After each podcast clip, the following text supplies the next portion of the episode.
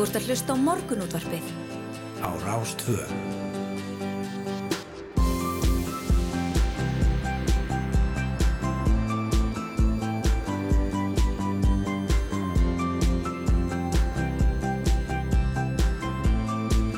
Morgunútvarpið á Rástvö. Morgunútvarpið býður, góðan dag, 5. daginn 7. apríl. Klukkuna vantar tímyndir í sjó og þá er yngvar Þóru og Hulda Gistóttir sem verður hérna með ykkur til klukkan nýju með spennandi og fjölbreyttan þátt. Já, og þetta segja það, við eh, erum vörn því að koma við að við og höldum okkur við það plan eins og alltaf. Við ætlum meðal annars undir lok þáttar að ræða um rafmynd það, það, það fyrir bæri hefur verið þó nokkuð í umræðinu bæði vegna stríðsins í Úgrænu og mikillar verðbólku en líka í tengslu við orkunýtingu hér á landi og við ætlum að ræða við kjartan Ragnars hjá myndkaupum um stöðu og framtíð þessa ósýnilega orkufreka gjaldmiðils. Já, einmitt. Og síðan fór skátaþing fram um síðustu helgi á Bifröst. Já, þar var heilmikil samkoma og þar var líka kjörin nýr skátahöðingi, hún Harpa Ósk Valkistóttir að fá hana til okkar í spjall klukkan hálf nýju. Segja okkur að þess af skátarhefingunni á Íslandi í dag og, og hverjar eru áherslur starfsins og, og hversu útbreytt er það? Já, síðan er það ástandið í Úkrænum. Ríkisaksóknari Úkrænu segir að rannsóttstandi yfir á hátt í 6.000 atvökum sem flokkast getið sem stríðsklæpir af hálfur rúsa og rannsóttin beinist meðal annars að framferð þeirri í Bútsja og byggist á lögum um framferði í stríði og við ætlum að ræða þetta við Þúrdísi Ingadóttur, professor við lögfræðild Háskólans í Reykjavík já, um hvar mörkin liggja og hvaða afleiðingar stríðsklæpir geta haft. Jú, svo ætlum við að fara í gullgrafara buksunar. Jú, jú, morgunblæði greindi frá því vikuna að kanadíska námuvinslufyrirtækið AEX Gold hefði fundið mikið magn gulls eftir tilraunaboranir á Grænlandi í fyrra og við ætlum að ræða við Eld Ólafsson sem hefur veitt stopnaði og stýrið þessu félagi um gullgröft og fyrirhugaðar framkvæmdir fyrirtækisins. Já, svo er það stjúpsamfélagi sem var til árið 2021 og er fallegt og kveitjandi samfélagi á samfélagsmiðlum sem snýst um hugleðingar, kvartningu og fróðleikum stjúpfjölskylduformið og já, bara fjölskylduform almennt og það er hún Kristjana Jenny Ingvarstóttir sem er konan á baku samfélagið og hún ætlar að kíkja til okkar um halv átta og fræða okkur um áskoranir og tækifæri stjúpsamfélagsins. Já, og síðan er það opinn vinnur í mig fyrir mjöns ansið mörga að þóla það að vinna í slíkum rýmum. Og nú standa fyrir dyrum breytingar í Háskóla Íslands sem er að því að opna vinnur í mig háskólaprofessora. Og þessu hafa professorarnir mótmælt og vísa til mikilvægis akademisks frelsis auk þess að þeir hafa já, oft á tíðum viðkvæm gögnum nefnundur á skrifbúrum sínum. Og Rúnar Viljánsson, formar félagsprofessora við Ríkisháskóla, hann ætlar að koma til okkar og segja okkur frá þessum breytingum og, og hvers vegna professor eru ekki sáttu með þetta. Já, þetta er áhugavert vegna þess að, að svona línan var lengi vel í þá átt að, að opna allt og og jafnvel þekkjum við það í fyrirtækjum í dag að fólk á ekkert einsunni lengur sitt borð, það bara finnur sér borð eitthvað staðar með sína fartölu undir handlegnum en þetta hendar misvel í misverkefni og er áhugavert að tala um þetta. En uh, við erum líka með blöðin. Það er frettablaði, morgunblaði og bændablaði sem að koma út í dag. Já, einmitt, hér á fórsíu morgunblaðsins er rættum það að um, já, útliti fyrir áframhaldandi útir, já, útliti fyrir áframhaldandi skorta á íbúðum Þrátt fyrir að íbúðum í byggingu hafi fjölkað, þetta er niðurstaða samtaka einaðarins og húsnæðis og mannverkastofnunar sem töldu íbúður í byggingu á landinu öll í februar og mars á já, þessu ári. Og e, þar kemur fram að e, já, lóðaframbóð hefur ekki verið nægt og skiplásmál haldi aftur af uppbyggingu, þetta segir Sigurur Hannesson, framkvæmdastjóri samtaka einaðarins, spurður hvers vegna frambóð nýra íbúða mætir ekki þörfinni og mikil fjölkun íbúða í byggingur aðalega á fyrstu byggingastegum að það lítur út fyrir það að fjölkun á íbúðum í byggingu á þessu ári og á næsta ári mun ekki mæta allri þörf. Já. það er hérna, verður vantilega törverst rættu um þetta í sveitarstjórnarkostningunum núna e, í mæ Jújú, svo er hér uh, fréttablaðið, þar er uh, mynd frá, úr gamla bíó á fórsíðunni, mikið drukkið að vönduðum veigum þar í gær. Íslandsmeistara mót barþjóna sem hlutið að hátíðinni Reykjavík Cocktail Weekend. En aðal fréttin á fórsíðunni er hins vegar uh, af, uh, segir, uh, af afskiptum stjórnmálamanna af gerfinnsmálinu og einn fjórmenningana sem sátu yfir 100 daga í gæsluvarðaldi í Guðmundur og gerfinnsmálunum gaggrinir harlega aðkomu stjórnmálamanna að bótum til þeirra sem komu þeim í fangilsi með röngum sakargiftum. Og uh, hér er talaði Magnús Leopoldsson sem er eitt fjórmenningana og hann segir uh, það þungbært fyrir þá að horfa upp á fólki sem dreyið hafi þá saklösa inn í málið fá nú greitar heiminhávar bætur án þess að fyrir líki nýðust að hæstaréttar um hvort og hvað þá, hvaða áhrif sög þeirra eigi að hafa á bótakreislu mm. og hann hafi þá tilfinningunni að veri sér að greiða bætur fyrir það að bera á þá rángar sækir. Hann segir afskipti stjórnmálamanna af þessu máli fimm, fyrr og síðar vera algjörlega óþólandi og hafa valdið miklum skada. Já, nú taldum ástandið í Úkrænum, e, þá höfðu rættur verður komið flótafólks yngar til lands, en nú er koma gæludýra frá Úkrænum undirbúin, það er greint frá þessu hérna á annari síðan morgunplassins, matvælaráðunetti vinnu nú að því að útvega aðstöðum, svo hægt er að setja gæludýr flótafólks frá Úkrænu í einangrun eftir komið til landsins og reiknað með að máli verði leist á næstu dögum.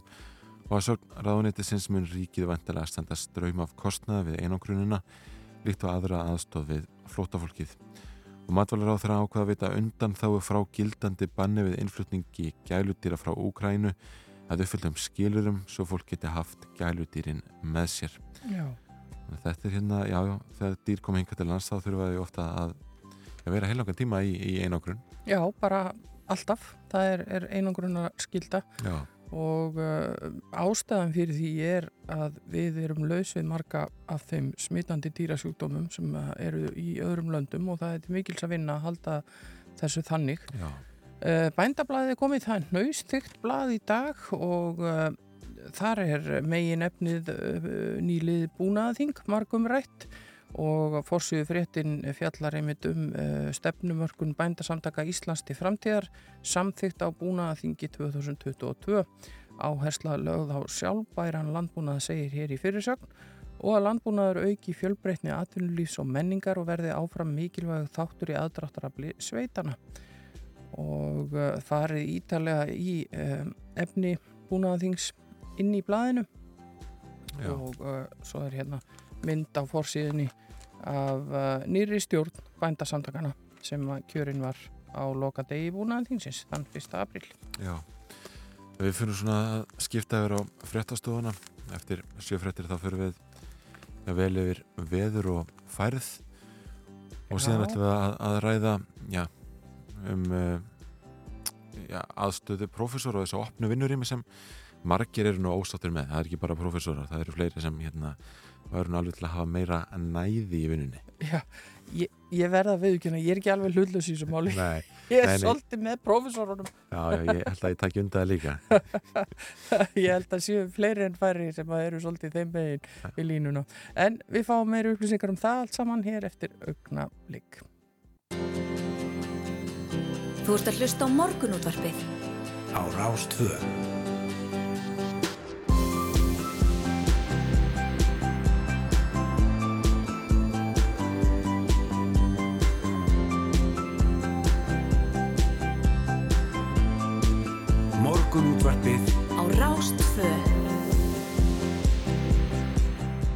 Við bjóðum góðan dag á Rás 2, morgunútvarpið mætt til leiks og við ætlum að vera hér til klukkan nýju, það er 7. apríl í dag og með ykkur eru Hulda Geistóttir og Yngvar Þór Björnsson og uh, við ætlum að fara yfir alls konar hluti.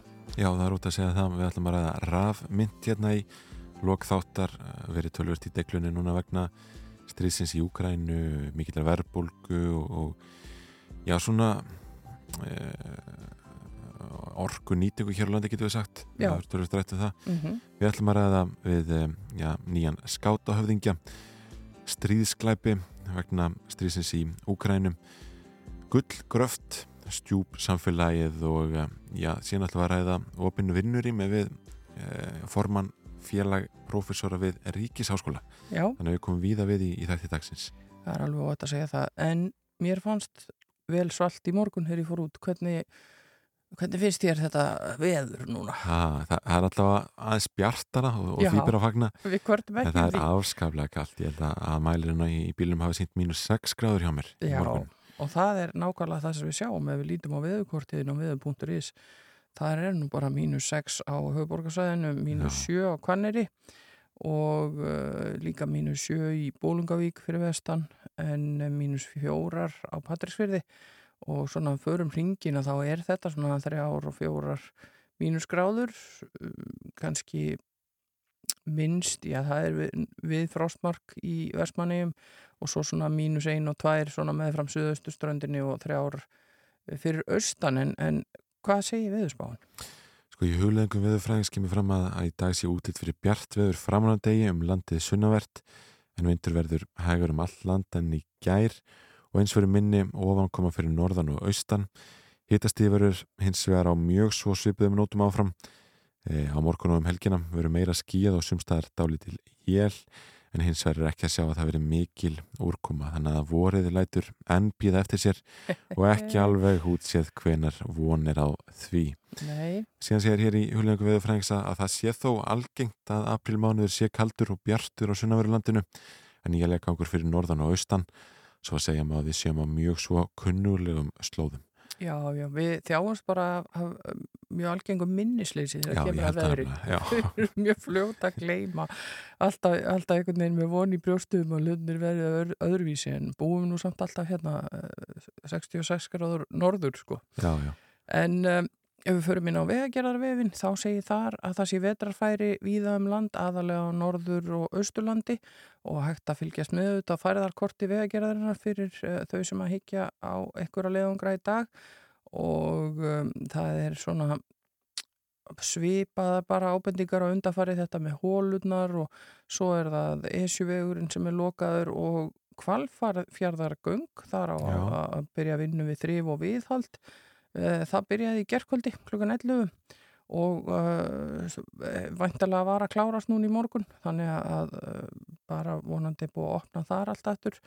Nú fyrir vestan á vesturlandi eru hálkublettir á nokkurum fjallvegum og síðan eru það þessar slilla skemmtir í dölunum og, og borgarferðabrautin og uh, vestfjörðum er snjóþekja á Stengrisfjörðarheið og þröskuldum hálkublettir á nokkurum fjallvegum en að mestu greiðfært á lálendi og fyrir norðan er snjóþekja á jæljagangur á Þverarfjalli en hálkublettir á flestum leiðum í Húnavarsíslum og hálkaða hálkublettir á flestum leiðum í Eyjafyrði og annars hálkublettir víða.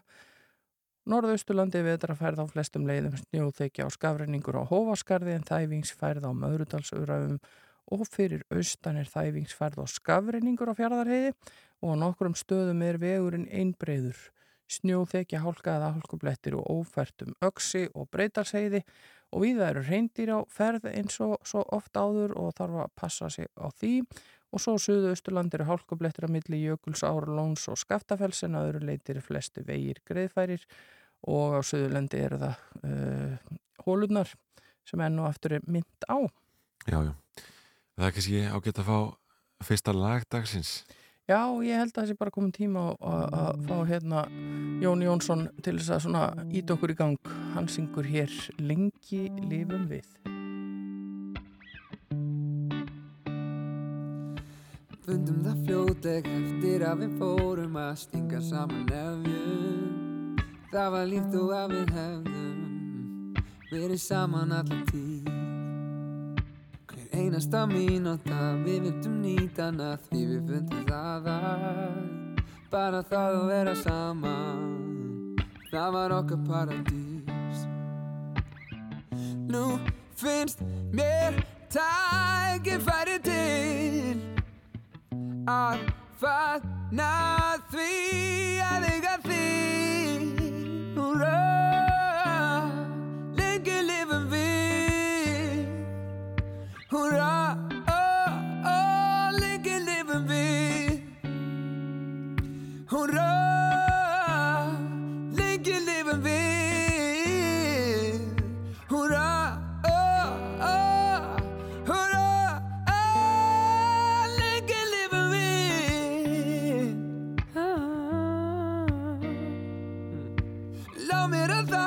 fyrir allt sem þú gemdi mig og stakkar í mig hjarta. Og ég mun óska mér þess alltaf að við verðum saman allar tíð. Með krakkarskaranum við höfum farið um allar heimsins vissur og við vitum það með vissu að það er okkar paradís. Ah. Nú finnst mér tækifæri til. Að fagna því að eiga þig. Húrra,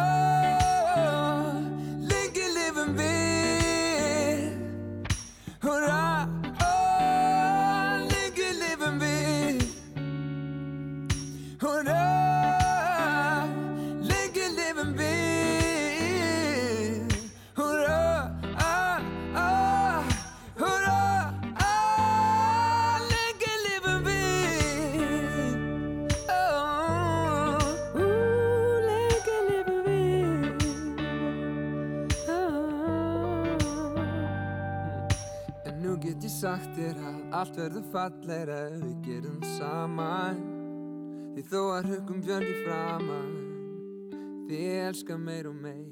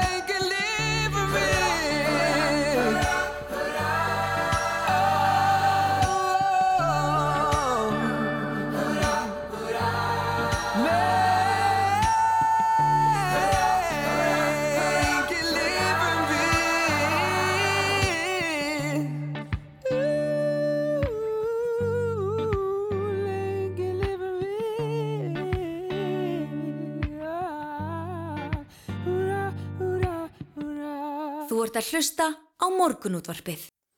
Vissulega og ég er að glugga hér í bændablaðið yngvar og uh, þar er gaman að segja frá uh, landbúnaðvelununum 2022 sem Já. voru afhenda á búnaðaþingi og um, þetta er sem sagt hefð fyrir því að afhenda þessi velun við setningu búnaðaþings og veluna ára þessu sinni eru söðfjárbændurnir á Bollastöðum í Blöndudal, lífrænt vottaða mjölkurvinnslan Bíobú í Reykjavík og Karolína Elisabethardóttir söðfjárbóndi í Kvams, Kvamslíð í Skagabyrð byggð.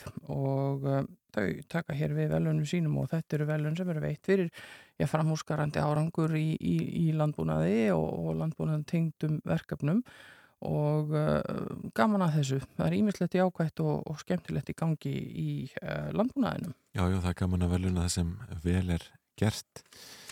Við vorum líka að skoða hérna uh, þessa vef-miðla í morgunsárið uh, og það er nú talað um, um það að hérna um hann Bjarnar Valdimar Tryggvason gemfara sem lést í gær já, uh, hann var fyrsti og hingað til eini íslenski gemfarin þannig að var 12 dögum í geimnum árið 1997 uh, og uh, það var Chris Hadfield sem var að, að hérna, minnast þessa vina síns og samstarfsmanns. Chris Hadfield, náttúrulega einhver sem margir þekkja sem svona fór mikinn á YouTube og annar stað þar sem að vera að sína hvernig maður var að busta sig í geimnum og, og hvernig hérna allt þetta hefðbundna líf virkaði þar uppi. Já, já, já.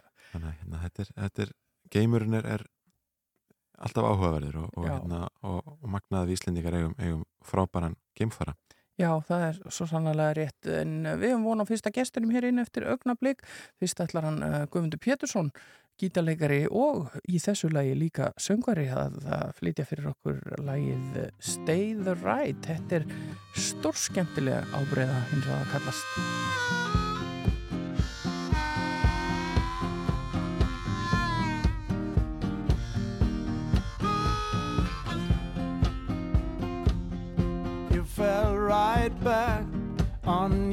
Back, let it slide through the door. And as the door was ajar, things grabbed in from the past. Sit down, collapse on your couch, this ephemeral pain. will go away. It won't play or twist you ever again. Stay the ride into your painted light. Enjoy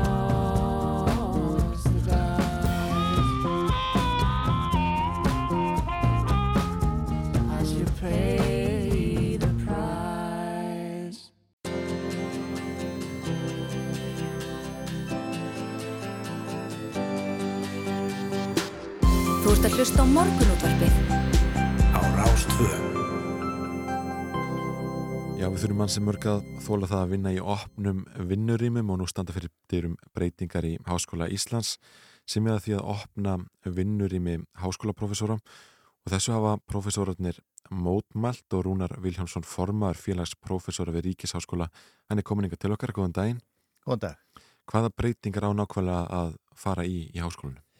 Já, sko, það á að byggja náttúrulega nýtt heilbriðsvista hús sem að verður tengt við uh, læknagarð og hann á að, eins og maður segir, að skræla að innan og endur hanna. Uh, svo liggur fyrir líka að taka í gegn hótelsögu og endur hanna rýmið þar.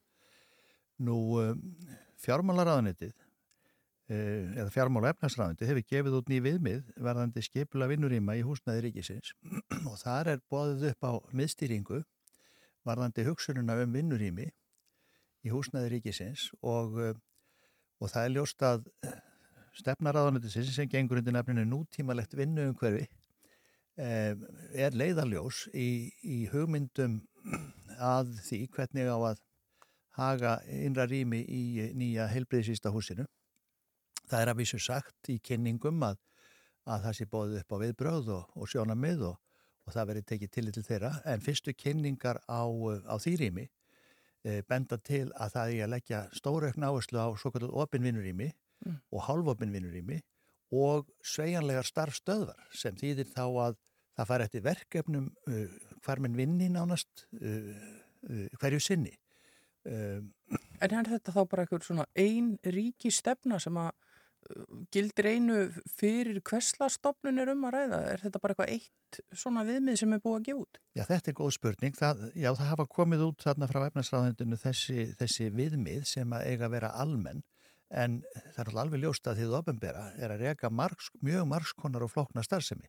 E, til dæmis mjög vönduð sérfræðistörf þar sem þarf að vera mikið næði og, og einbeiting og til lengri tíma við, við vandarsama vinnu sem getur skipt miklu máli.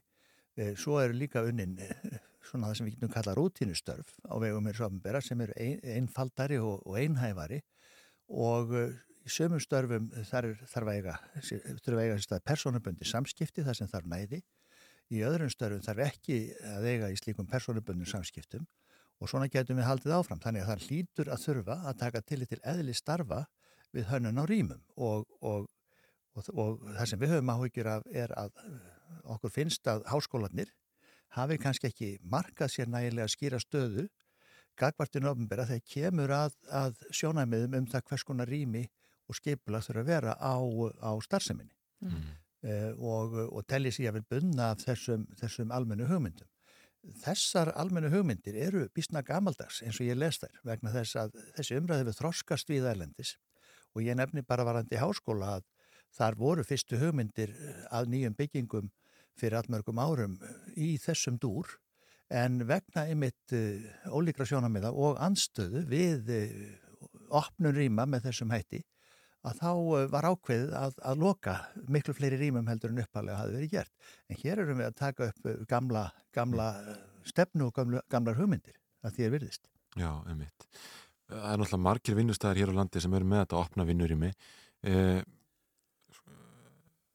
þú, þú náttúrulega þekkir þetta úr háskólanum en, en ert líka að kenna náttúrulega heilbreyðismálinn.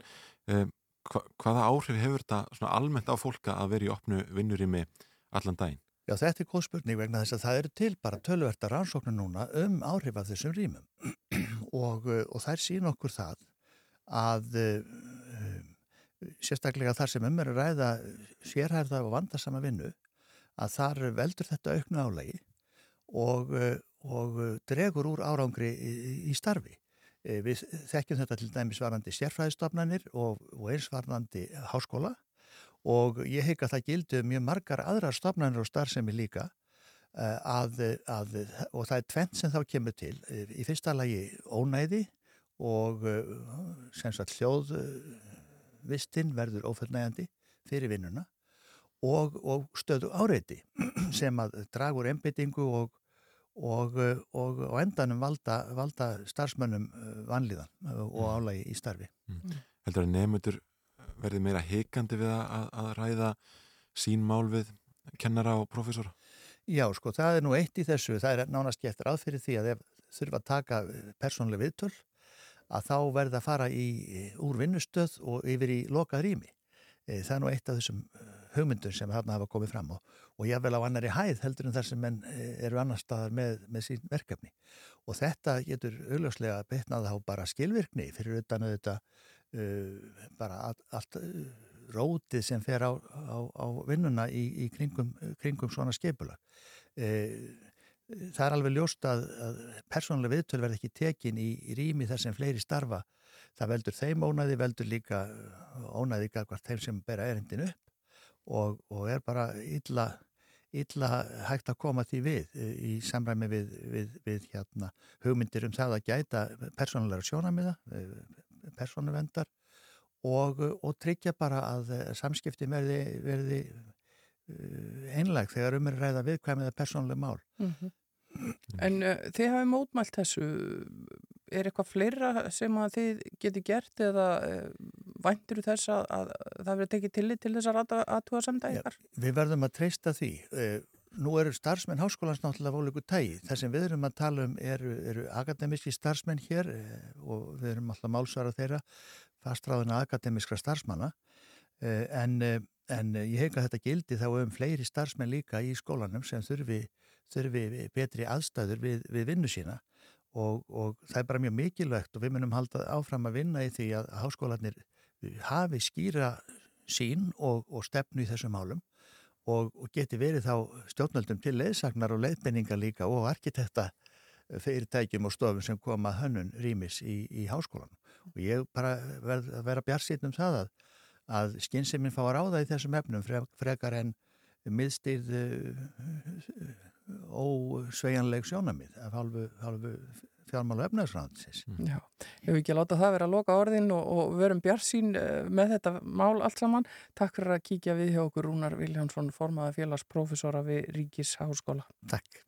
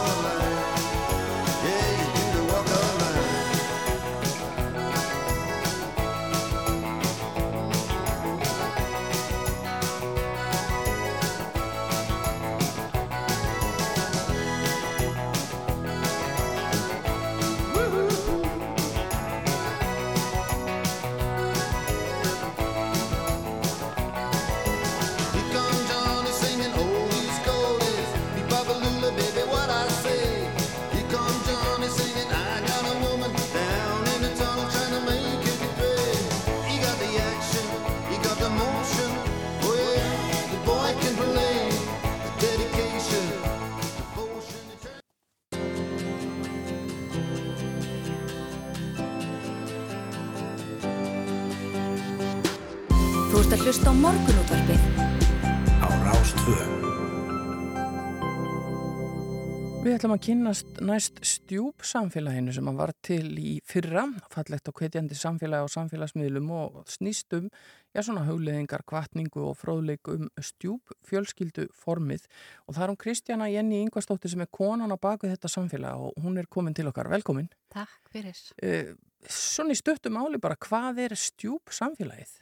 Já, nokkulega. Það er sem sagt bara miðil sem ég held úti á, á Facebook og Instagram í kringum í rauninni þerapíanum lærði að elska þig sem er skrifið á henni Guðbjörg Ósk Freyrstóttir og hefur farið víða hérna bæði Erlendis og hér innanlands og ég held úti svona pislum og, og fróðleik ekki bara tengdu þessu akkurat en, en mest megnis Já. Mm. En af hverju, af hverju þetta málefni? Er þetta eitthvað sem þú er búin að upplifa sjálf eða þekki til eða?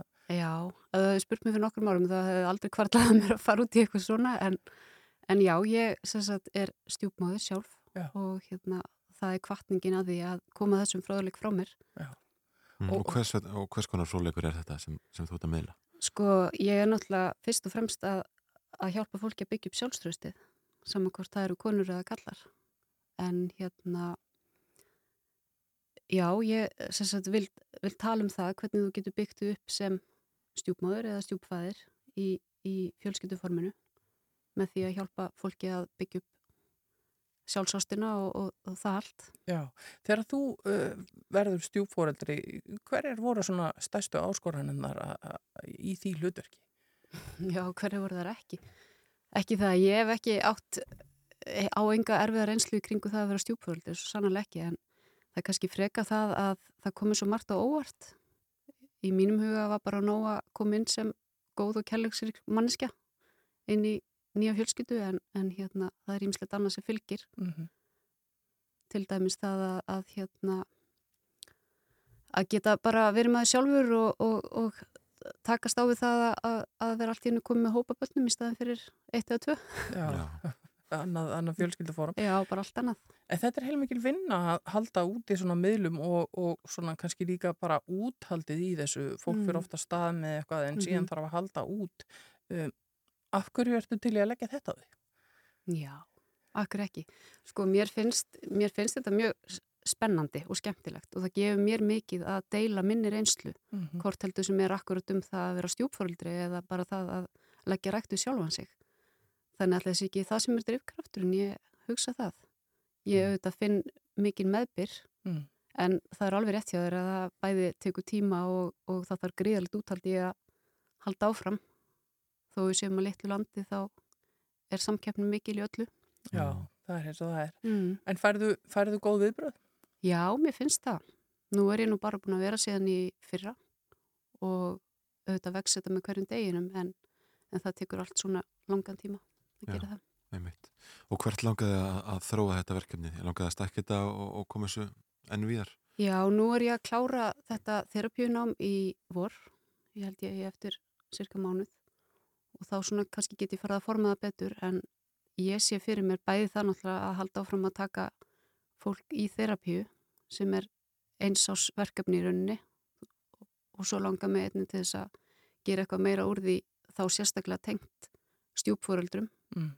og jafnvel að hérna, vera með minni grúpur eða í rauninni bara hvað sem er. Ég er Já, svona bara ennþá að móta það. já, En hinga til er ég aðalega með fólk í, í samtalsmeðferð. já. En þegar þú talar um þerapíu, uh, þetta, er, þetta er eitthvað annað en það til dæmis að fara til sálfræðings. Uh, þetta, þetta er annars konar vinna. Uh, hvað innifelur það að bjóða upp á þerapíu í sér? Uh, akkurat þerapíu orðið. Ég kannski kann nú ekki alveg skilgrinninga á því en við erum auðvitað ekki sálfræðingar. En ég myndi segja að það væri það að, að bjóða upp á þerapíu uh, tengdist kannski freka því að þú hefur reynslu af einhverju og í þessu tilfelli hef ég reynslu bæða því að vera stjúpfórildri Mm -hmm. til nokkur ára og einnig bara alls konar aðra reynslu sem hefur nýst mig vel í því að geta miðlað frá mér Mm og ég held að við séum ekki síður sterkir einstaklingar í að, að koma frá okkur einhvers konar kennslu eða bóðskap eins og, eins og hérna aðra stjættir. Já, en svona mantran þín er, er, er þetta lærðu að elska þig. Já, Eru við ekki nógu duglega að þykja vendum okkur sjálf? Jú, við viljum örgulega meina það, Já. en ég held að það vanti ansi oft upp á það að, að elska, elska sjálfa sér til full, sko. Og, og ég bara finn það þegar ég er með konur hjá mér, það er nú kannski ekki síður konur, að hérna, það er svolítið djúft á því, Mm. að við sittum okkur í forgang til þess að geta einmitt elska aðra. Já. Þetta er svolítið eins og í flugvélni, settu grímuna á þig fyrst áður en hún setur hann á börnin. Það er akkurat þannig. En, en svona helstu áskoranuðar, snýst þetta þá um, um, um samskipti innan fjölskyldna eða er þetta praktíski hlutir? H- Hver eru svona aðalverkefnin í því að setja saman fjölskyldur? Þau eru náttúrulega kannski miklu fleiri heldur en mann grunar og við erum, hvað ætlum við séum ekki helmingur á Íslandi sem erum í sjúp fjölskyldu formi Mm. og áskorunar, þær eru eins og ég sagði áðan, ég hef enga slæmar einslu því að vera stjúpföldri en það eru auðvitað margt sem spilar inn í og, og í mínum huga er það ekki síðu það að við erum að taka við erum að samennast börn og foreldrar og það er kannski minna mál fyrir okkur foreldrarna því við erum auðvitað bara á okkur bleiku skíu og allsæl með að hafa fundið okkur förunaut Mhm. en okkur fylgja yfirleitt börn og hvernig er að koma því heim og saman þau velja ekki að búa saman þau velja ekki að búa með okkur þetta er bara, þetta gerist og, og allir eigi einhvern veginn að fungera Mhm. og mér finnst kannski gleymast að, að ræða við börnin um það hvernig, hvernig líst þér á þetta Já. hvernig líður þér hérna Mm. Þannig að það, mér, ég hef svolítið ymbra á því Þannig að fólk ætti þegar að það er í þessari stöðu að, að skapa nýja samsetta fjölskyldu að, Mm. að kannski leita sér ráðgjafar og, og gefa sér tíma í það, ekki bara einhvern veginn gera ráð fyrir því að þetta mun allt slípast. Já, bæði það og vera í stakk búin til að takast á við þetta verkefni. Það er það sem að ég er upptekinn af að, að við í þessu tilfelli, konur eða þá jafnvel menn, séum í það góðu ástandi sjálfa að við getum gefið okkur fullt í það. Já, þetta byrjar þar. Já, mér finnst það, Já.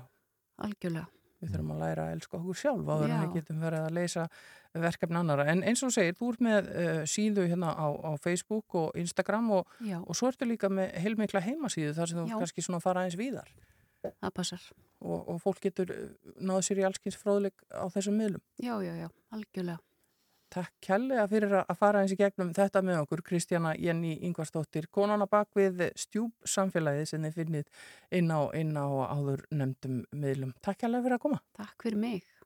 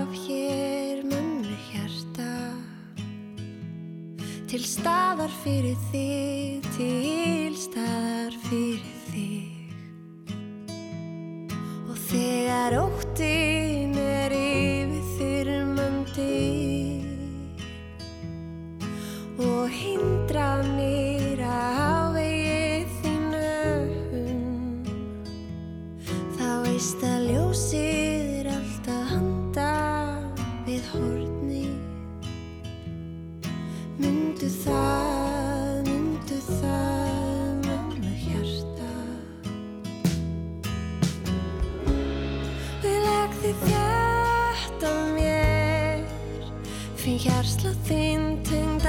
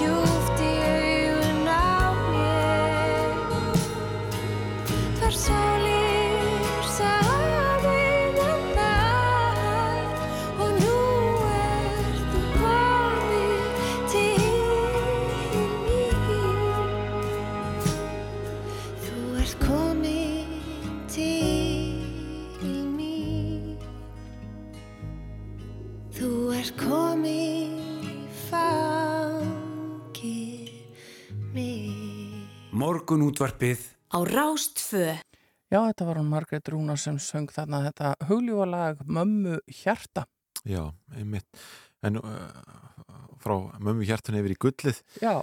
Morgunblæði greindi frá því í vikuna að kanadíska námuvinnslu fyrirtækið AEX Gold hefði fundið mikið magn gulls eftir tilraunaboranir á Grænland í fyrra og Eldur Óláfsson sem já, stopnaði fyrirtækið og, og stýrir þessu vélagi, hann er komin á línuna, góðan daginn. Góðan daginn, takk fyrir að hafa mig. Herðu, segja okkur aðeins frá, frá þessu verkefni að grafa gull á Grænlandi. Já, þetta byrjaði 2013. Um, ég er semst sjálfur jarfræðingur og, og byrjaði fyrirlið minn í, í uh, jarðagerunum og, og var í hjónum alþjóðlega og svo upp á 2012 þá, þá byrjaði við þessum verkefnum og, og fengum til þessu okkur bæði innlegt og alþjóðlega fjárfyrsta. Og verkefni var skráð í Kanada hann 2017 og það byrjaði mest í kringum námu sem hafi verið í vinslu til 2014 í tíu ár sem heitir Nalunak og svo náma er eh, hefur það svona þá stöðu að hún er hún er með eitt hæsta hlut allar gulli á hvert tonn sem þú vinnur eh, úr bergi. Það er meira gulli hverju tonni því minna það að eða í orku og slikt að taka það úr Já, já. og, og, og svona, já Einmitt. Og, og er sér satt mikið gull uh, á Grænlandi? Eða Hvernig virkar þetta? Já, við sko, við, jú, við eigum leifi í gullbelti, sviðu grænast gullbeltinu og höldum á nánast öllum réttundum þar. Svo eigum við líka leifi yfir eh, svona nýtilgreindu koparbelti, nikkel, eh, grafít og alls konar málmum. Það er áhægt að segja frá því að í suðu grænlandi líkja telur Jærfæstónum eh, bandaríkjum telur um 30% af það sem kallar reyraörð og strategisk málmum, málma sem við þurfum til þess að rafaða heiminn líkja hérna á þessu svæði og gull er oft svona leiði, leiðari fyrir að, aðra málma. Mm.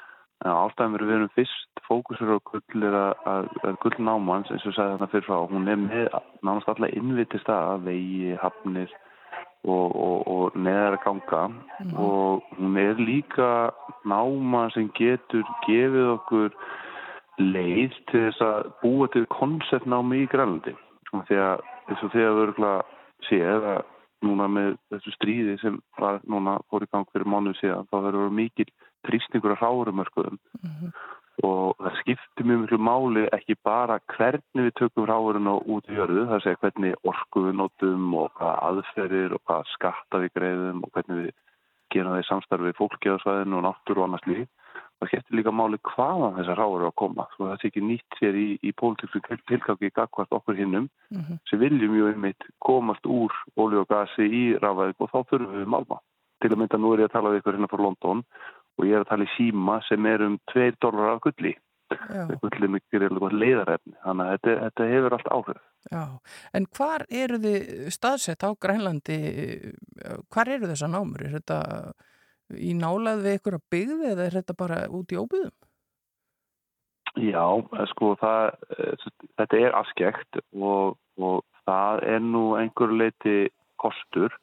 Við erum ekki að, að tróða okkur inn í samfélag sem fólk býr og, og við reynum að fókusera á þessi aðskekti staði til dæmis við, við, við skilum staðnum og leggjum inn stóra fjárfestingu inn til Ríkisjóðs grænlega til að skila staðnum eins og við komum á hannum Mm. og reynum að, að bæta hann með að setja upp vassafjörskennir eða fara í skórakt og annars líkt. Uh, en, en í söðu grænlega sem slíkt er íslaust allt árið, það er sunnar en Ísland, það er við það sem þjóðutan heitir Nassasúa, það er ekki langt frá því. Mhm. Þannig að það er auðvitað að komast inn og út á svæði, það er með svona áallanarflug frá Íslandi til að komast, þannig að mikið okkar starf sem er fyrir gegnum Ísland og það er gríðilega hjálplegt að að nota bara íslensk eh, og, og, og vinna með íslensku fyrirtækjum og, og, og aðlum til þess til þess að reyka þessu verkefni áfram. Já, nú ert þú, nú getum við bara sagt að þú ert sveitastrákur úr tungunum eh, og, og ert farin að grafa gull út í heimi. Eh, Hvernig tilfinning er þetta? Ég meina, sástu þetta fyrir þér einhvern tíman þegar þú varst ungur strákur að þú myndi vera gullgrafari? Já, þetta er mjög góð spurning. Allir jarfæði á henni ekki vakna við að ég fór í leiti fyrir föðuminn 12 ára gammal upp á, upp á kjöl. Ég mitt með tvo hæstuði reyða og, og það er eftir auðvitað greiðlega þetta er náttúru en, en það sem gerist líka í svona miklu umhverju eins og við fáum að finna fyrir á Íslandi þá vakti áhafa mín að öll heimsinn snúast einni annan háttum jarfæði. Mm. Þar hvernig Íslandi byggt upp, hvað það við séum að nota hérhitta, hvernig orkuðu notum eða hvað dýralífi er eða, og, og það er líka inn í þjóðskipulega eitthvað. Það ráara er grunnurinn allir því sem við þurfum í núverandi lífskjörn sem við erum í. Þannig að þessi sam, samblanda þessum þáttum vakti greiðlega með áhuga minna á jærfræði og ég vil nú segja það að fólki sem á í jærfræði, þetta er allt krakkar sem er núna gríðarlega flotti vísdarmenn og og geta haft elgi og fórsöndu til þess að fókusur á, á kannski hvernig heklgósi var hann flýtt. Ég hafði svona meiri áhuga á, á, á nýtingu og, og, og kannski breyðara svið, þannig að það er bara henda með mjög vel. Já, einmitt. Sko, hvernig er þetta á Grænlandi? Er mörg störf að vera til við uh, þennan gröft? Já, sko, þetta er, þetta er mjög góð spurning. Uppalega þegar við vorum hana þá snýrist allt um að búið til störf og það er nú reynda mjög gaman að segja fyrir þau í okkar félagi þá eru við með meira en já, 50% af starfsfólki ástæðanum er, eru grænlendingar.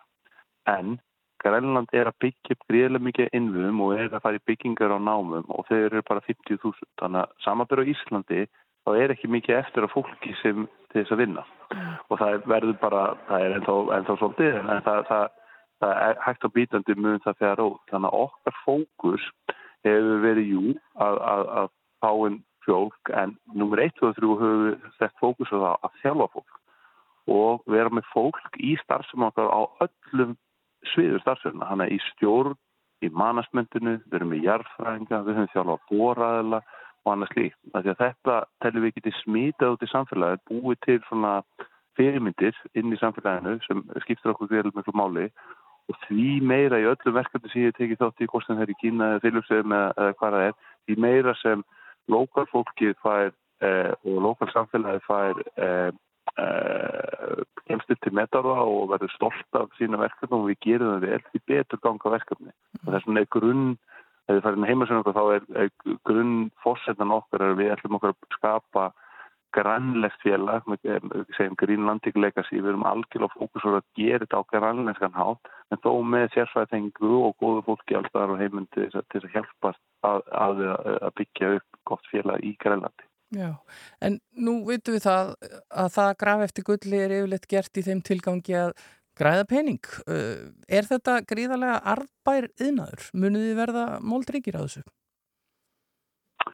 Sko, námu einnaðurinn, hann er gríðarlega mikla langtíma fjárfæstingar og það eru áhættur í öllum skrefum á þessu fjárfæstingar. Það er að setja því samengi þá tekur um það byrj 15 ár að búa til námu. Alltaf því að þú byrjar að rannsaka, segjum búið finnir stein einhvers þar, svo fer það að bóra, svo fer það að staðfesta málmagni í örðu og þá þarf það að fara að gera Eh, greiningar á því hvernig fólkið og, og arsemisgreiningar og slíkt og svo þetta sapna fjármagnir til þess að byggja náman og svo, svo eigðir það sem hafið tekið í svona mm. náman, svo það er lokaðum líka. Þannig að þessi tættir allir skipta gríðanlegum máli og þegar þú spyrir hérna, er, er þetta arbæð? Já, við telum þetta að vera gríðalega arbæð, því að ef þú hugsaður þannig, heimurinn núna er búið að ná sér í málma í heiminum um allan heimsistu 200 ár. Mm. Það er í raun bara Grænland, Afganistan og Kolumbia eftir. Í Grænlandi erum við að ná og vinna með efni sem eru með hátt hlutfall af málmi á hvert tonni og þetta er líka við yfirborð.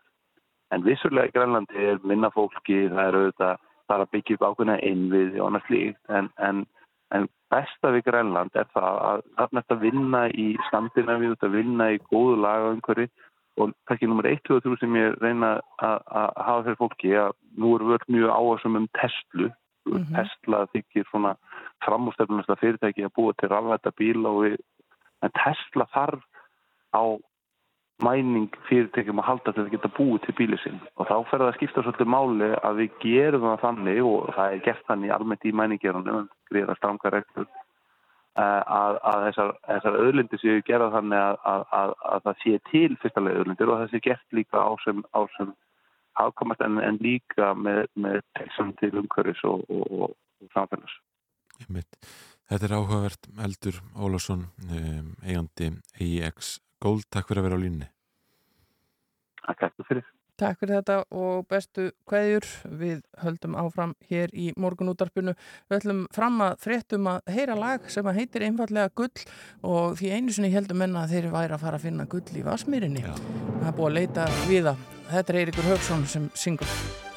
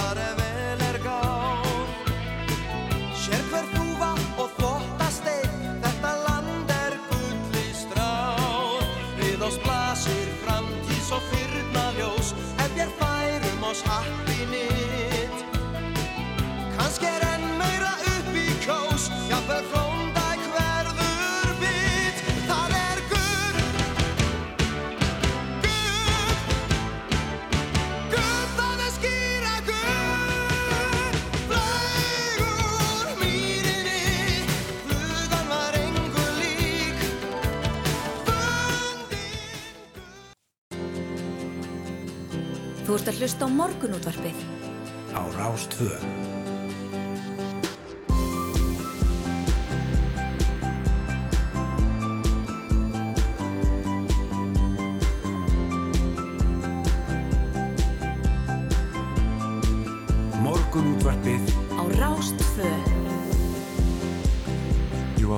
Bækja og morgun útarpið heldur hér áfram. Við erum búin að fara víða í morgun, við erum búin að ræða gullgröft, stjúpsamfélagið og e, já, opinu vinnurými.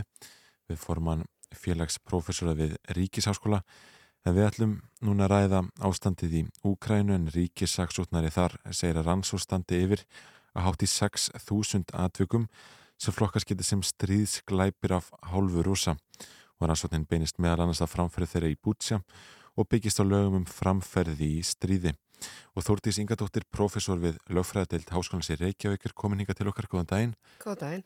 Sko, hvað er, hvað er stríðsklæpur og, og hvar liggja mörkin á milli þess sem er stríðsklæpur og, og stríðsrekstur? Það er uh, margir samningar sem skilgæna skil, stríðsglæpi, þetta er eitthvað sem hefur til og hefur þróast bara í aldir að því ríki hafa samjöla hagsmuna því hvernig óvinnurinn kemur fram við þeirra borgara, kemur fram við þeirra hermenn og þeirra byggðir og annars. Svo að þessi grundvalla sáttmálar þessar svið er svo kallið genfarsamningar og þeir eru sex og rústar hafa til að mynda fullgilt á alla og aðlar af þeim. Og þetta eru bálkur upp á 600 ákvæði hvernig á að koma fram við borgara og, og hermið sem hafa lagt niður vopn meðal annars svo ertu með annar fjöldasamninga um hvernig átt að beita vopnum, hvaða vopn svo bann við beitingu efnavopn og annað sem meðal annars líka rúsar eru aðlar að. En það sem er svona þessi grunnþættir allra þessara laga er það að jú, stríð eru hafa mikinn skada en þá að gera allt sem er í bara valdi allra aðila að hlýfa borgurum, að hlýfa þeim herminu sem eru særðir eða hafa lagt vopn og það er þá stríðsklæpur til að mynda ef þú með ásetning, ásetningi drepur bo- almennan borgara, ef þú með ásetningi drepur hermann sem hefur lagt niður vopn eða er særður eða ef þú vísvitandi gerir hérna, árás á spítala eða almenna byggingar eða annað. Og svo er svona annað grundvalla stef og regla í gegnum alla, alla, alla þessi lög er svona meðalhóf þú verður að gæta meðalhófs í þínum árásum þegar þú ert að reyna að ná þínum hernaðarlegu markmiðum. Svo það mátt ekki fara umfram það hernaðarleg markmiði með árásunni og hérna svo að þetta, all, þessi, allir þessi bálkur er núna undir og eins og segi, ríki hafa mikla hagsmuna því að þessi lögur er virt, þess að hafa öll lönd í reynu í heiminum fylgilt þess að fjóra grunn sáttmála og rússara og úkrælmenn hafa líka fylgilt þess að til viðbútar. Mm, en er, er sko, er, þetta hljóma fyrirlega, sko, er stríðsrekstur löglegur upp að einhverju marki? Er nóga að leiðtói einhversi ríkis lýs yfir stríði og, og, og þá megi hermaður myrða annan mann og almenn hekningalög bara falla úr gildi? Það, það eru nælega tveir aðskildir hérna, lagabólkar í þjóðrættinum. Það er hvernig að mátt heia stríð, hvernig mátt hefja árás. Síðan kemur þessi mann og lög hvernig á að heia stríð, hvernig framkvæmdinn á að vera. Og hún gildir alveg óhæði hvernig árásin var, hvort hún var löglega eða ekki. Og hún gildir um alla aðila. Og já, eins skrítu að það er, í stríðum mega hermenn drepa aðra hermenn, það er þannig. Og þeir mega gera árásir svo lengi sem skotmarkið hefur hernaðarlegt gildi og hérna síðan kemur alltaf spurningin um það í hverjum hernaði hafið hernaðarlegt gildi eða borgarlegt gildi og svo framvegis og það er verða mistök en með aukningu mannrettinda með betri vopnum og annað þá er gerð meiri krafa um vernd borgara Í dómafrangamt hefur stundu verið að vera að setja ykkur að línu, þú mátt gera mistöku ykkur að 200 metra utan hernaðarlega stakmörk og annað, en það hefur ekki verið samtíkt, þú verður að skoða hvert tilvík fyrir sig. Mm. Mm. En sko þegar við tölum um stríðsklæpi, nú eru sem sagt uppi rattir um að þarna hafi verið fram til stríðsklæpir og talað um einhver 6.000 atvik nú þegar, en þetta er ekkert einfalt ferli. Þú ferð ekki að rétta yfir fólki sem er grunna um stríðsklæpi á meðan að stríðið er ennþá í gangi. Þetta er eitthvað sem gæti hugsanlega verið tekið á einhvern tíman setna hvernig virkar þetta? Það er alltaf grundvallar aldrei núna að sapna sörnagögnum og eins og þess að frétti bara um helginna frá Bútsa það er augljóst að þarna hafi stríðsklæpi verið framtir mm. Og þarna er náttúrulega komið eins og hefur rætt alltaf sakadóðslega með lögsögu Hann er náttúrulega á svæðinu og hann er að fá mikið leysöka. Kanadamenn voru til dæmis að senda honum stóra sveit sérfræðinga sem eru í að sapna sörnagögnum og varvita og annað og breytar og fleiri. Þannig eru allþjóðar ansóknarnemndi komnar frá Martindaráðinu og fleiri. Það eru mörg ríki að því sanga þessu sömu genfarsáttmálum er skilda og öllum aðaldaríkjum að rannsaka stríðsklæpi. Svo það eru mörg ríki farin að stað, núna síðast Svíþjóðaþrita var tilkynna þau eru að byrja að rannsaka stríðsklæpi og eru að kalla eftir sönnagögnum hjá sér, það er alltaf flóta fólk að koma. Svo það er núna grundallar að að sapna þessu gögnum, en réttilega þetta mun taka tíma mm. og það, mun, það er náttúrulega fljótlega að saksækja þá sem fremja glæpina á staðnum, hermenna og kannski svona mið, miðju yfirmenn, en þessi stæðstu það mun taka ár en í lók dags er þetta snýst þetta allt líka um framsölu og handtökur. Já. maður veit ekki hvað her, hermenn þeir hafa náða handtaka í Úkræni eða annað. Já. En nú stýja uh, rúsneski ráðamenn bara fram og segja já þetta er bara falsfrettir Já það er náttúrulega bara rannsakað og, hérna, og, og það er náttúrulega eins og í þessu máli sem er nú þegar fyrir alltaf að sakadóstalum það er náttúrulega gífurleg tækni við það.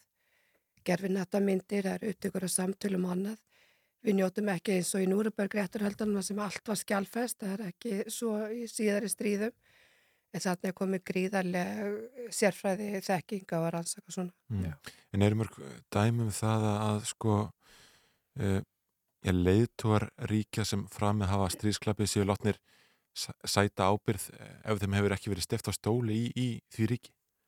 Já, við erum með bara þó nokkuð dæmi, við erum alltaf kannski frægasta dæmi, það er Júkoslæði dómstallin sem ágerði þá sitjandi fósita Milosevic og annað mjög þekkt dæmi er þegar uh, sérstakur allþjóða dómstalli Sierra Leone saksótti Charles Taylor sem var þá sitjandi fósiti Líberíu. Svo það er svona mikið verið að vísa í þessi fordæmi í dag. Svo hafa náttúrulega margir dómstallar og landsettur verið að dæma þá fyrverandi yfirmenn. Svo gerist til dæmis í Rúandadómstallum sem saksótti fyrirvandi fósætsræðara, Kampanda svo hérna það er í auknu mæli fordæmi fyrir því sérstaklega það byrja svona frá 1990 mm, en, en heldur að, að hérna já, já hvernig, hvernig heldur þú að þessum, þessum málu líkti heldur að, að, að stjórnvöldi í Rúslandi verið dreynið ábyrðar?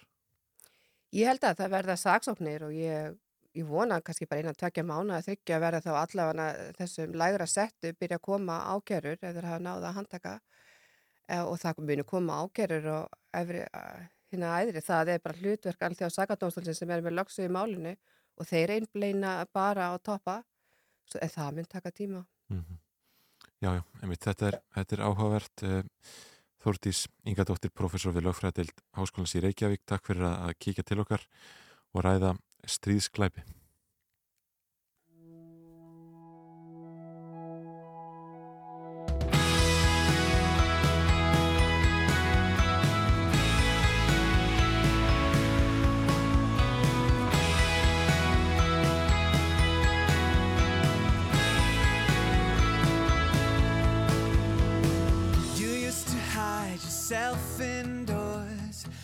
Wishing for changes. Now you're tired of all the same old chores. It's time to engage this. Turn it up, get out, do what you want. Don't give up or give in. You know what it takes to win. Mm, yeah, you got it all. So when it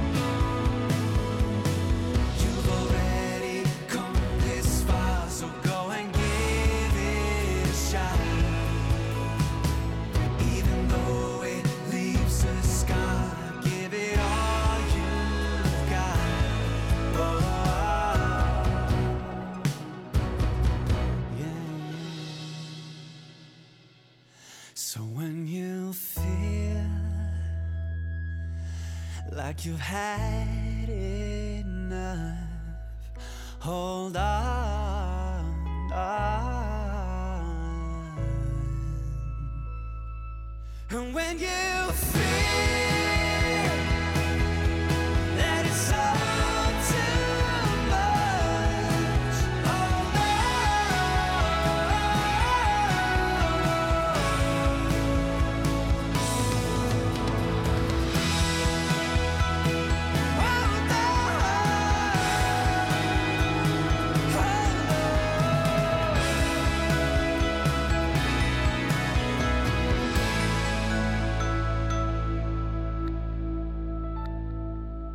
Morgunútvarpið á Rástfö. Alla virka daga frá 6.50 til 9. Já, þetta var hann eh, Birgir Steinn og nýlegt frá honum Hold On heitir þetta ágæta lag. En við sáum hér, uh, já, jákvæðar fréttir á rú.is Já, já, sjóminn segist sjaldan hafa verið jafn mikið um þorsk það er fyrir þessu hérna einmitt á árú.is og fulltrúar helstu fiskveiði ríkja við Norðursjó þeir hafa gert með sér samkomalag svo bæta með þær vísinda rannsóknir sem leggja svo grunin að ákvörðunum um alþjóðlegan þorskkvóta og segja einmitt sjaldan hafa verið jafn mikið um þorsk og þetta er útgerðamenn og skipstjóra frá Hjallansegjum, Skotlandi, Danmörku, Nóri og Englandi sem hittur sér kaupmanöfn á dögunum til að ræða já, einhvers konar misræmi millir útgefis þorsk veiði kvóta og, og raunverulegar sterðar þorsk stopna. Þetta er áhugavert og, hérna, og eitthvað sem já, það hljóta allar að fagna því ef, ef meirunum fiskan en, en e, talið hefur verið.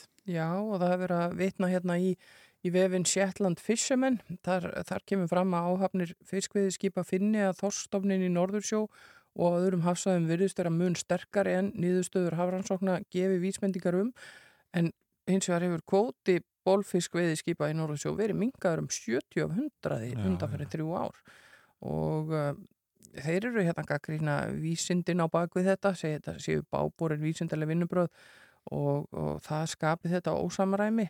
En uh, þetta er áhugavert og verður þá væntalega að skoða myndi maður reyna með að, að þar, þar til bærum sérfræðingum já, já, í, í þessum málum. Og uh, svo segir hérna, tala hérna við danska fulltrú á Dana á fundinum, hann Alfred Fisker Hansen, hversu hendur þetta að heita Fisker já. í svona djópi Já, þau maður að bæli í þorski og öðru slíku Já, það var alltaf törverst rættum um þorsk hérna um, um mánaðamótin síðustu þegar reysa þorskur veitustu Vestmanæjar mm. og ætti talsverð aðtigli og stór skemmtileg mynd af, af vali, valdísinni hásett á tógarunum Bergei þegar hann hjælt á þessum reysa þorsk 170 cm á lengt og, og, og hann 1,90 þannig að þetta er hérna já, já, 50 kíló og, og það er spurning hvort að, hvort að hérna, það reynist já, meira af svona reysa þorski í sjónu líka. Gæti verið, ég, ég sá líka myndir á Facebook um daginn þar sem að, var verið að landa fullt af, af þoski á, á mínum heimaslóðum, uh, stórir fiskar og, og, og velegir en það er sérsagt uh, hann Alfred Fisker uh, Hansen, þessi danski hann segir þarna að áhafni fiskiskipa þurfi mjög að hafa fyrir því að ekki komi of mikið af þoski í netin. Þetta getur verið svolítið flókið. Þegar, það er allt fullt í, í sjónum og uh, fulltrúi norðmanna, hann August Fjellsko hann uh, tekur sama streng og spyr hvernig á því standi allur þessi þóskur fór fram hjá nála rauga vísindalega rannsókna. Það er að skoða þessa frétt betur eins og ég segi inn, inn á rú.is Markus Okkar Þóraldsson hefur tekið þetta saman örgli í nótt, hann er nú oftast inn hérna á nóttinni já, já, þetta er skrifað klukkan fjögur í nótt. Já, já, einmitt. Feskar fiskifréttir klukkan fjögur. Þetta er ágætt eh, það er kannski fóru svona örstuðir veðrið hérna áðan en, en það er svona útlítið fyrir bjartveður. En það er klukkaveðin einhvern veginn áfram.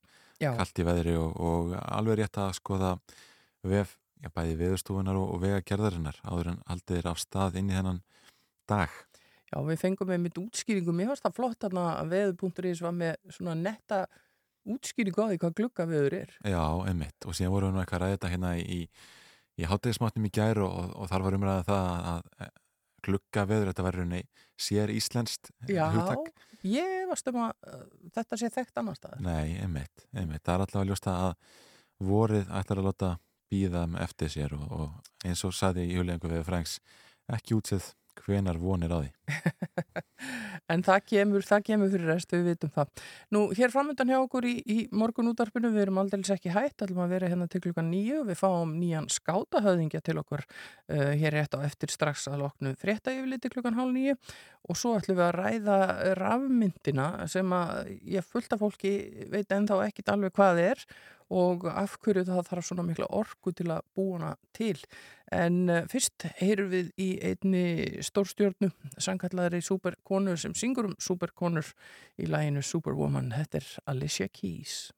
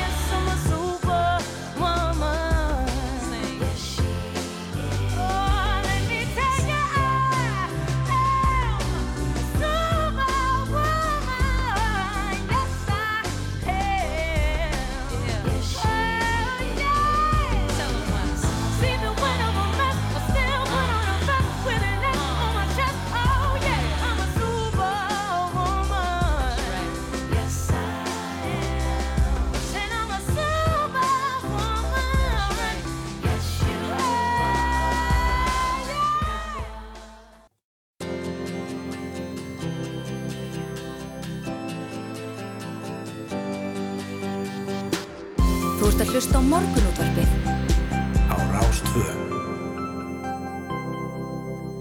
Já, við ætlum að taka upp léttara hel hér í morgunútvarpinu og heyra svo litið af skátastarfinu en skátaþing fór fram um síðustu helgi á Bifröst og þar var Harpa Ósk Valgeistóttir kjörin nýr skátahöðingi og hún er komin til okkar í smá skátaspjall, velkomin. Já, takk fyrir það.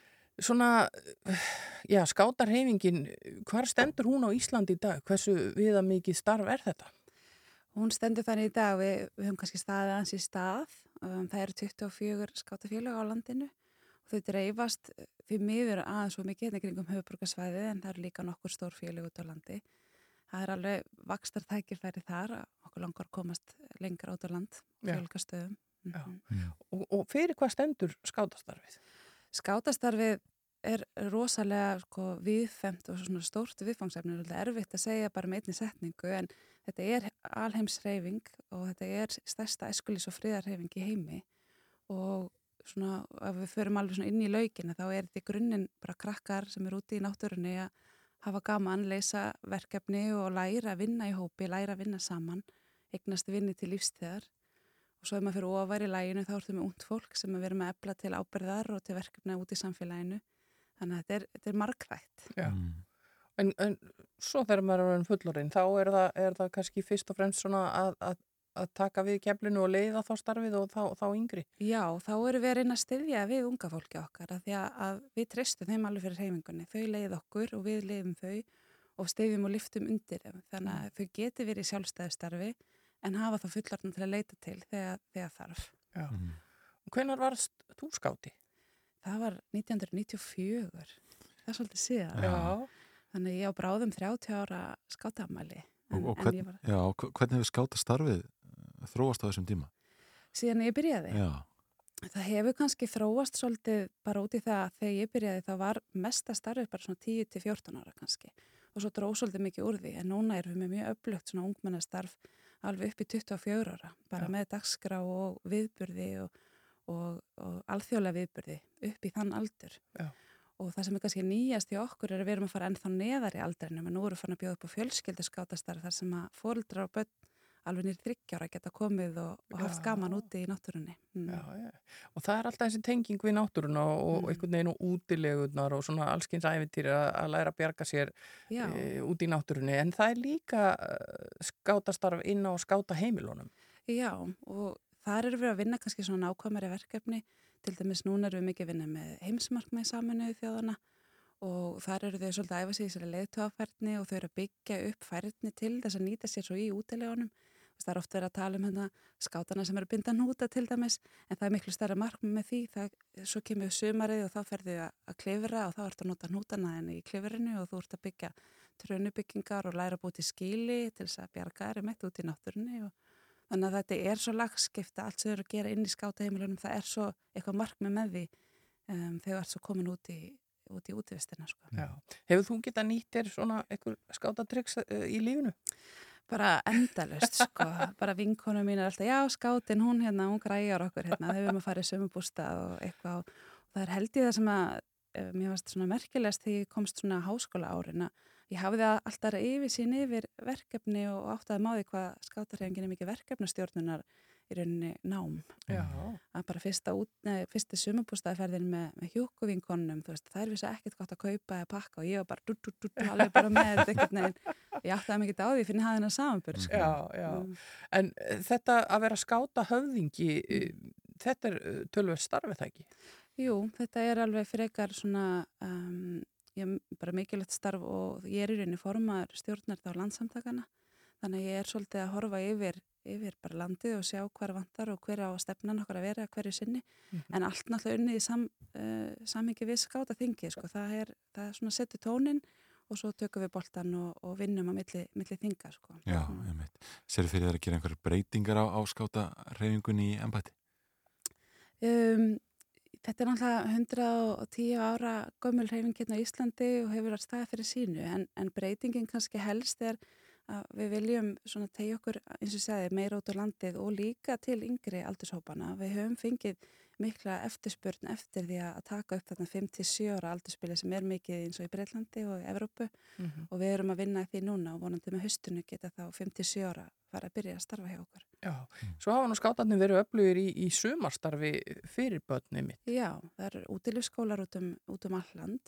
Sumabúið skáta og úljusvatni hafa náttúrulega verið lengi og verða í sumar og það er, eru fjögur skátamóti okkur líka sumar þannig að það er mjög mikið framöndan svona vor mánun, mikill undirbúningur og aftur það er ungt fólk í fórustu 16-24 ára eru að skipuleika mótin sem eru svo fyrir yngri hópana.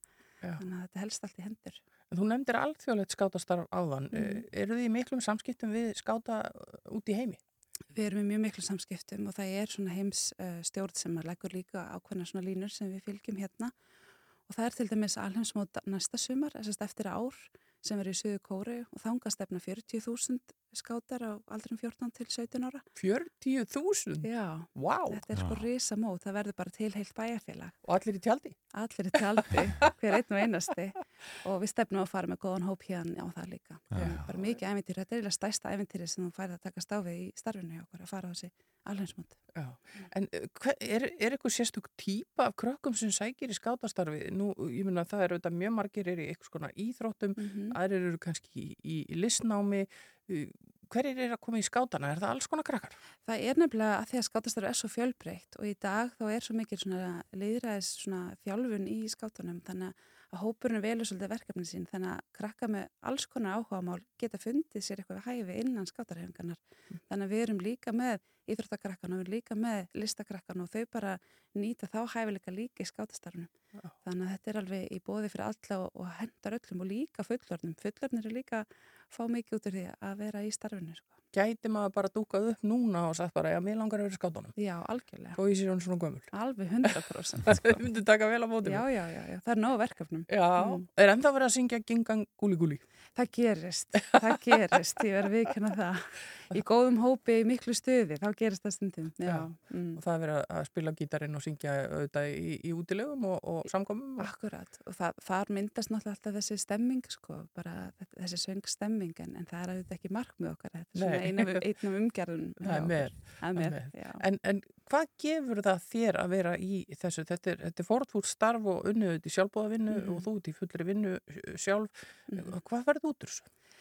Ég, maður fær bara mjög mikið út úr því að, að vinna með ungu fólki og, og sjá það blómstra. Það er einu það sem ég brenn fyrir að, að búa til góða vinnuhópa sem að skila af sér einhverjum frábærum hérna, árangurinn sem að skila sér aftur í barnastarfi. Mm. Ég, það gefur mér bara mjög mikið, þetta er mjög gefandi. Mm. Og margt af þessu unga fólki, það, það hefur kannski skáta bakgrunninni áður en það fyrir til dæmis inn í björgunarsveitirnar? Það er, það er alveg ein línan sem að, að krakkarnir okkur fara. Margir fara í einhvers svona leiðtöðstjórn eða, eða svona félagsmál og margir fara svo í björgunarsveitirnar.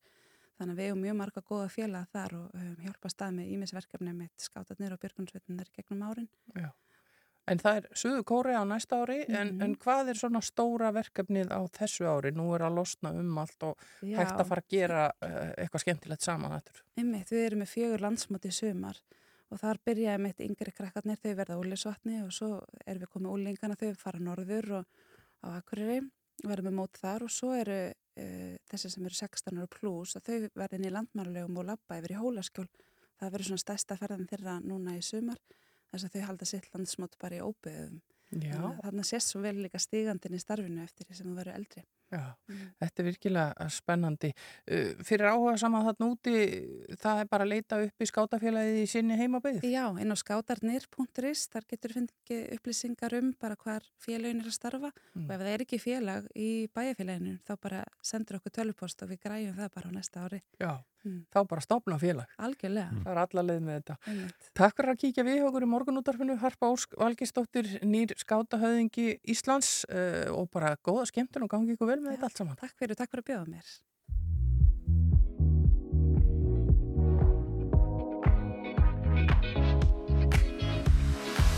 Ég er að leið upp úr dalnum og í mér er kraftur sem ég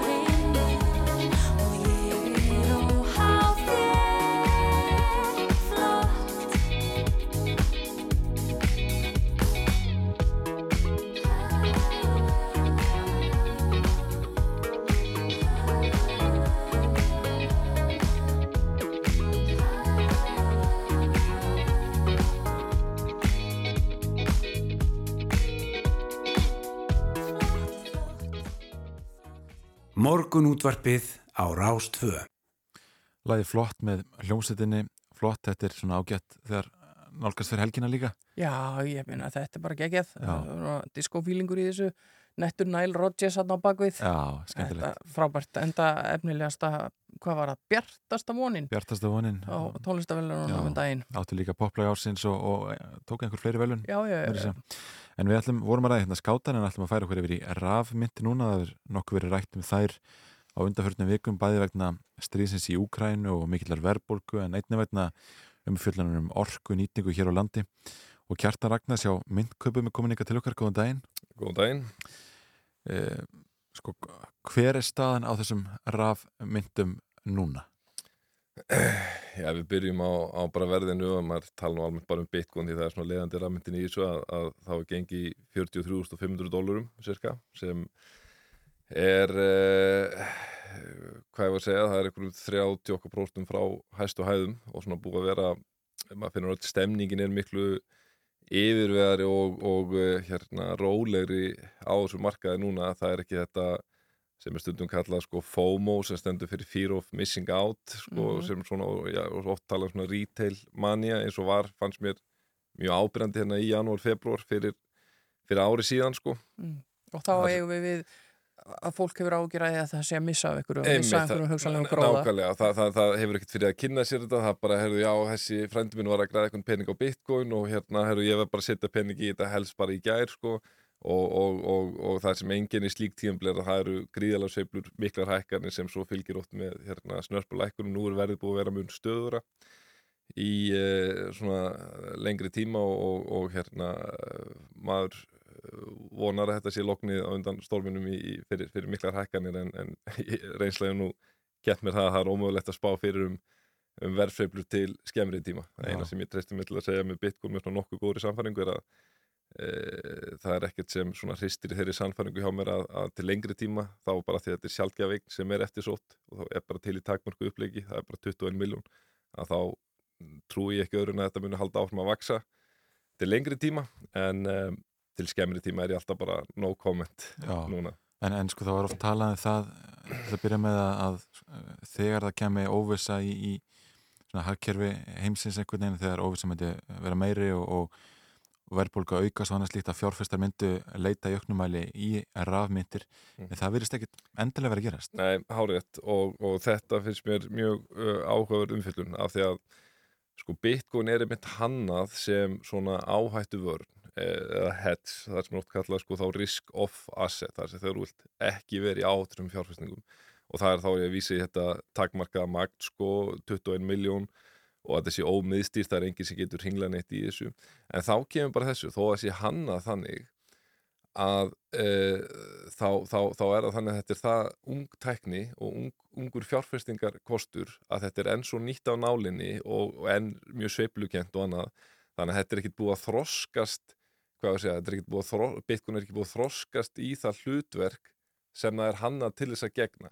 Þannig að fjárfestar e, skilgrenda enn sem áttu fjárfestingu, risk on asset og þá finnum maður að að þetta er meira að hérna, fylgja mörkuðum eins og hlutabriðamörkuðum eh, og, og, og, og hérna maður er farin að sjá þú veist þegar það eru kannski jákvæð tíðindi af, af hérna einhverju sem er gerast í Úkrænu virðist vera eitthvað hérna stilla til friðar eða eitthvað þá sér maður ofta hérna gull lækkar, dollarin lækkar en hlutabriðamarkar og hérna bitcoin hækkar og þetta er það sem ég held að, að bara taki lengri tíma. Þú veist Mm. að því núna ég meina ég held að sé svona óvægt að segja cirka 95% af heiminum.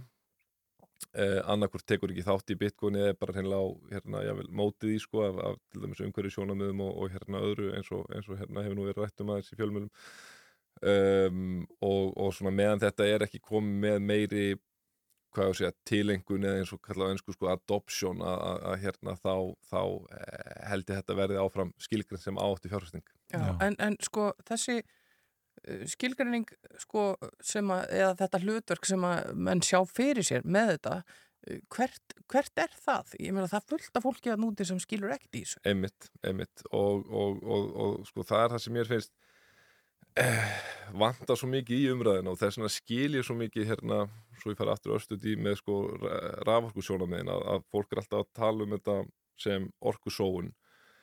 Og að því að þá finnst mér fólk gefa sér það að heyrðu, ok, það er staðrind að vera að hérna, að- þetta krefst mikilvæg raforku að grafa eftir bitcoin.